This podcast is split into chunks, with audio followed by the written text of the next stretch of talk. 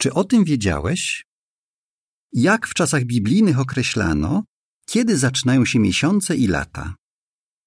Hebrajczycy w ziemi obiecanej za początek roku świeckiego uznawali czas orki i siewu przypadający na przełom września i października.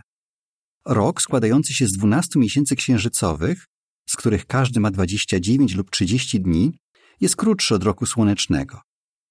Żeby wyrównać tę różnicę, stosowano różne metody. Każdego roku dodawano kilka dni lub w wybranych latach cały miesiąc, na przykład przed rozpoczęciem kolejnego roku.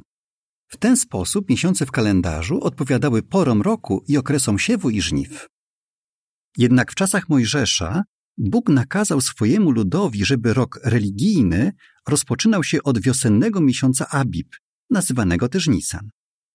W tym miesiącu obchodzono święto, które miało związek ze zbiorami jęczmienia. Jak podaje Emil Schirer w książce Dzieje narodu żydowskiego za czasów Jezusa Chrystusa, lata 175 przed naszą erą, 135 naszej ery, zasada, którą się kierowano podejmując decyzję, czy dodać do roku 13 miesiąc, była prosta. Święto Paschy, które należało obchodzić w pełni miesiąca Nisan, 14 Nisan, zawsze musiało wypadać po równonocy wiosennej. Jeżeli więc pod koniec roku zorientowano się, że Pascha wypadnie przed wiosennym zrównaniem dnia z nocą, wprowadzano dodatkowy miesiąc przed miesiąc Nisan. Świadkowie Jehowy korzystają z tej metody przy ustalaniu właściwej daty Wieczerzy Pańskiej, która obchodzona jest wiosną i odpowiada 14 Nisan w kalendarzu żydowskim. Zbory na całym świecie informuje się o tej dacie z wyprzedzeniem. Ale skąd Hebrajczycy wiedzieli, kiedy kończy się jeden miesiąc, a zaczyna kolejny? Dzisiaj możemy korzystać z drukowanych kalendarzy lub kalendarzy w urządzeniach elektronicznych. Jednak w czasach biblijnych nie było to takie proste. W czasach Nego przyjmowano, że miesiąc liczy 30 dni. Później w kalendarzu hebrajskim miesiące niekoniecznie musiały mieć 30 dni. W kalendarzu tym miesiąc zaczynał się, kiedy pojawiał się pierwszy rąbek księżyca. Następowało to 29 lub 30 dni po tym, jak rozpoczął się poprzedni miesiąc.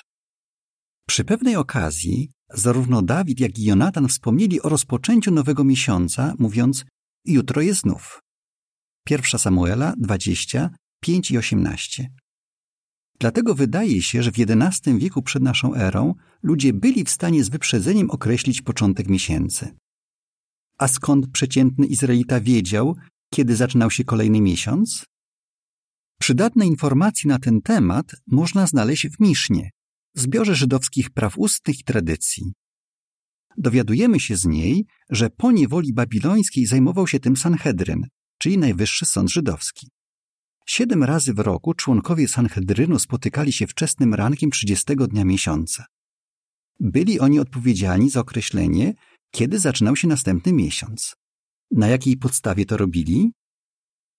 Wysoko położonych punktach obserwacyjnych wokół Jerozolimy porozmieszczani byli strażnicy, którzy natychmiast informowali żydowski sąd o tym, że dostrzegli pierwszy rąbek księżyca.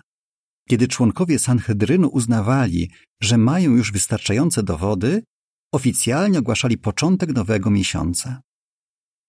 A co, jeżeli niebo było zachmurzone lub mgła ograniczała widoczność?